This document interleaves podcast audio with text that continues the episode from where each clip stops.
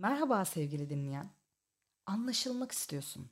Sen, o, öteki, herkes anlaşılmak istiyor. Çok şey mi istiyorum diye soruyor biri ötekine. Ben sadece beni anlamanı istemiştim. Biraz kendini benim yerime koysan. Empati sevgili dinleyen. Hepimize lazım da gitgide antipatik hale gelen empati bugünkü konumuz. Hadi konuşalım. Anlaşılmak istiyorsun. Bazen konuşmadan, bazen az ve öz şekilde ama en kısa yoldan bilinmek, görülmek. Bir kavramdır tutturmuşuz.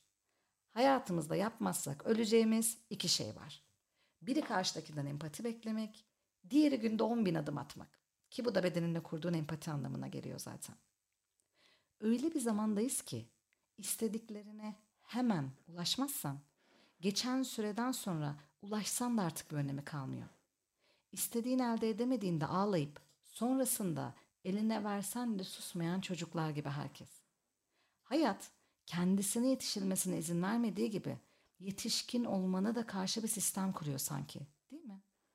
Tam da şu çağdasın aslında. En çok neyden bahsediliyorsa en çok ona saldırılıyor.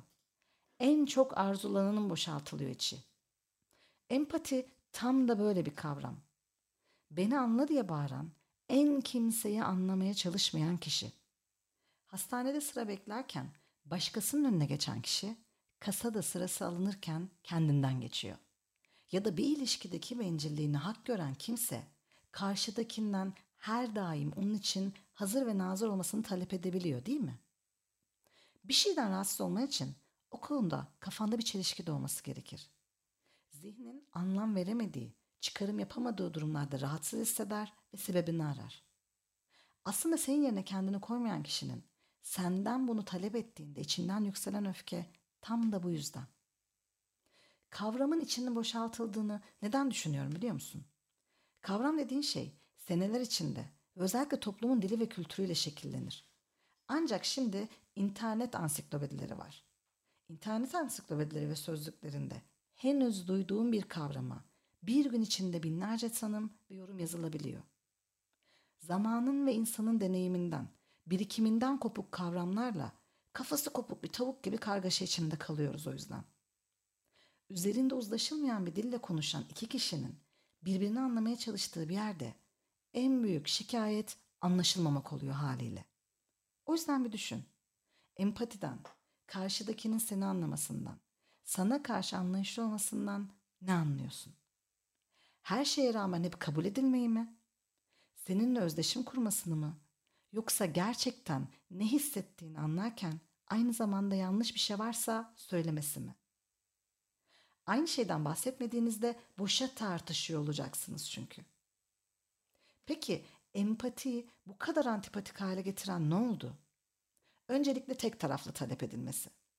Sürekli anlaşılmayı bekleyen, anlatmaktan başka özelliği olmayan kişilerden bahsediyorum evet. Bu insan tipi senden empati beklerken seninle ilgilenmez. Anlatacakları vardır ama hep vardır. Zaten anlatacak ve senden yardım isteyecek bir şey yoksa dinlemeni talep etmek ya da seni dinlemek için ayıracak vakti maalesef yoktur. Bu insanı nasıl mı tanırsın? Hemen çok işe yarar bir ipucu sana. Çifte standart. Bu insanlar olayı kendi başlarına gelme ve gelmeme üzerinden değerlendirir. Kendisine yapılan korkunç şeyi kendisi yaptığında bile mağdur olacak dendi bahane bulduğu çifte standarda dayalı o düşünce yapısından tanıyabilirsin onu sevgili dinleyen. Zaten bu özelliğini ona gösteriyorsan onu anlamıyor olursun anında. Empatiyi bilmeyenin senden empati bekleme paradoksu döner durur aranızda. Başkası ona yapsa sinirleneceği şeyi o başka bu başka ikisi aynı şey mi diyerek aklar. Ama aynı şey olduğunu biliyorsun ve bu seni sinirlendiriyor değil mi? Anlayış ve empatinin seni sinir etmesinin bir diğer sebebi sorunları örtmek için bir gizleyici olarak kullanılması.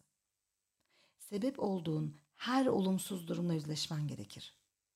Nedenlerin anlaşılır olması, yüzleşmenin boyutu ya da şeklini değiştirse de sorumluluk alman sonucunu değiştirmez.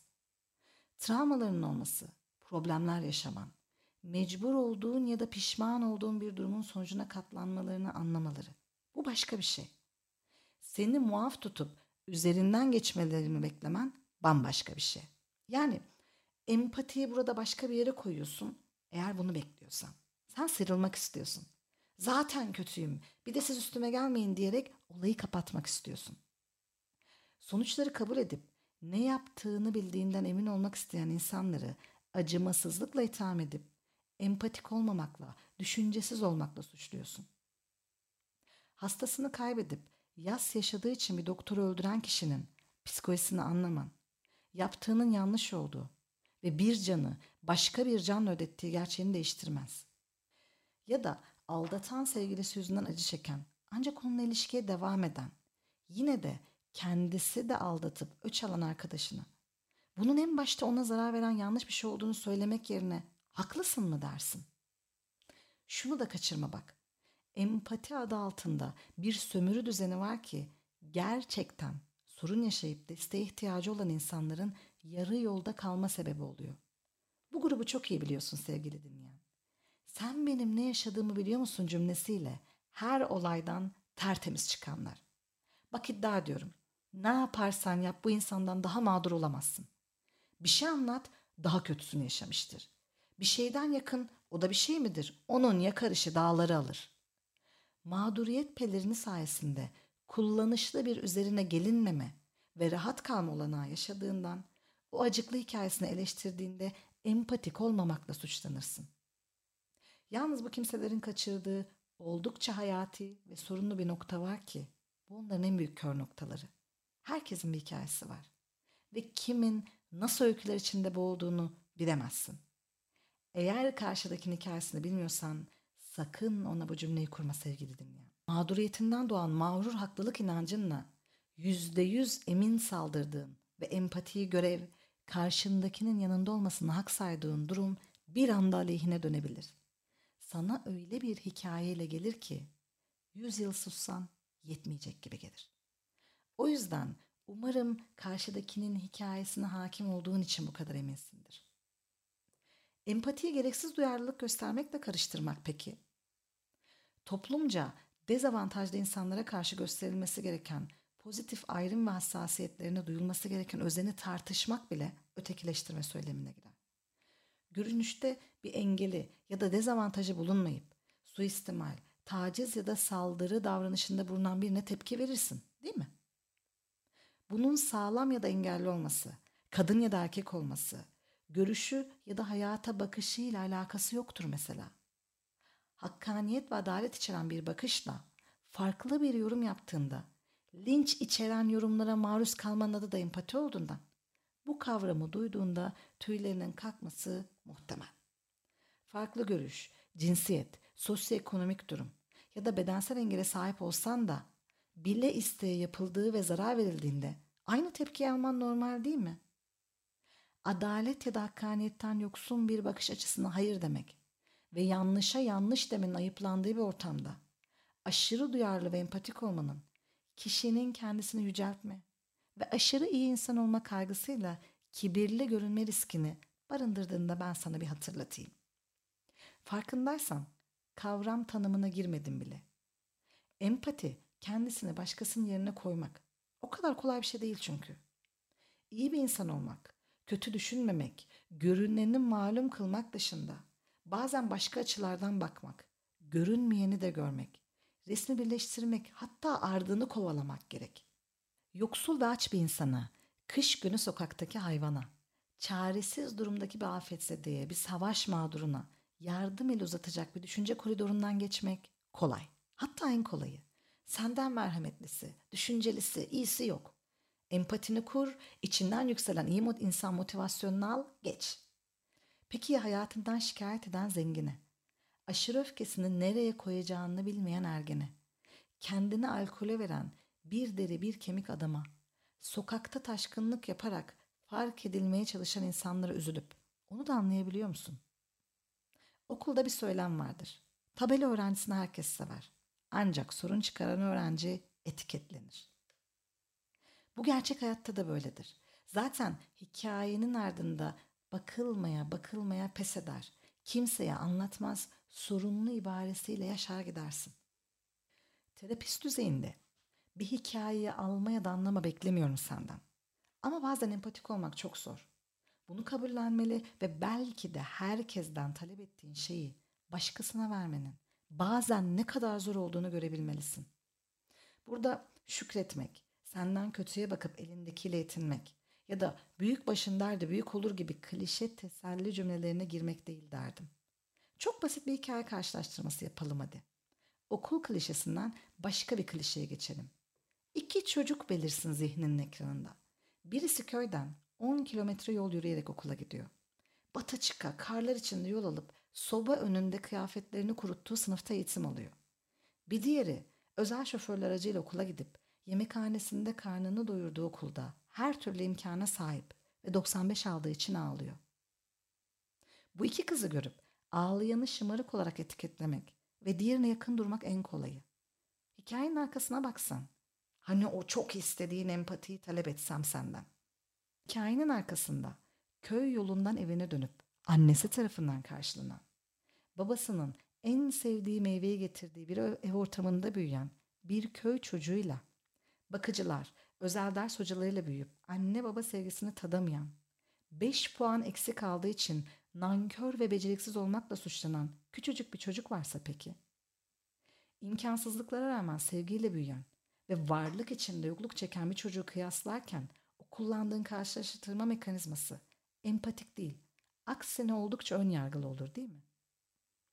Herkesin derdi kendine cümlesi daha büyük bir anlam kazanıyor burada. Bir paylaşım ekranından görünen ya da üstün körü anlatılan bir hikayenin yazarıyız çoğu zaman. Üstelik kendimize Nobel Edebiyat Ödülü vermeye her zaman hazırız. Empati sandığımız şey de çoğunlukla basma kalıp yargılar üzerinden çala kalem savurduğumuz düşüncelerimiz. Kimse kimseyi anlamak istemiyor cümlesinin ardında böyle devasa bir miras var.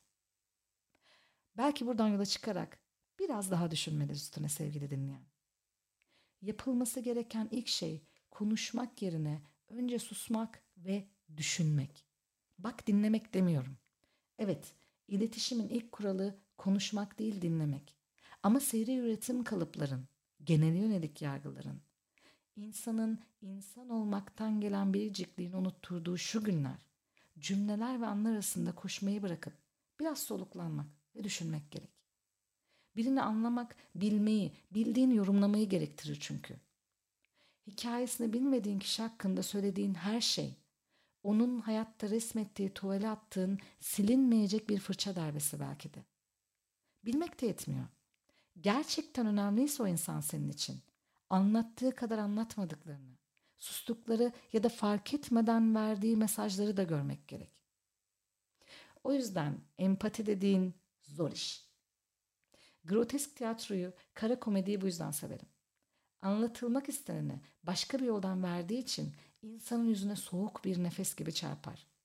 Görüneni görülmesi zor olan yoldan anlatır. Anlaşılmanın otobanları kullanışlı ve rahat. İstediğin kadar hız yapabilir, en kısa yoldan giderim sanırsın karşıdakinin hayatına. Oysa anlamanın yolu genellikle daha az, sarp olan, kıyıda köşede kalmış, parasını ödemediğin ancak çoğunlukla sana daha fazla manzara ve malzeme verecek yollardan geçer. Peki sevgili dinleyen, soru şu. Anlaşılmak ve anlamamaktan dem vuran sen. Bu rahatsız yolculuğun sonunda ulaşacağın gerçek ve doğru yakınlığa mı isteklisin? Yoksa razı mısın herkesin kullandığı otobandan? Aslında hiç kimsenin tatmin olmadığı yolun sonuna varmaya. Bir düşün. O zaman bir sonraki podcast'e kadar güvende kal, 10. köyde kal.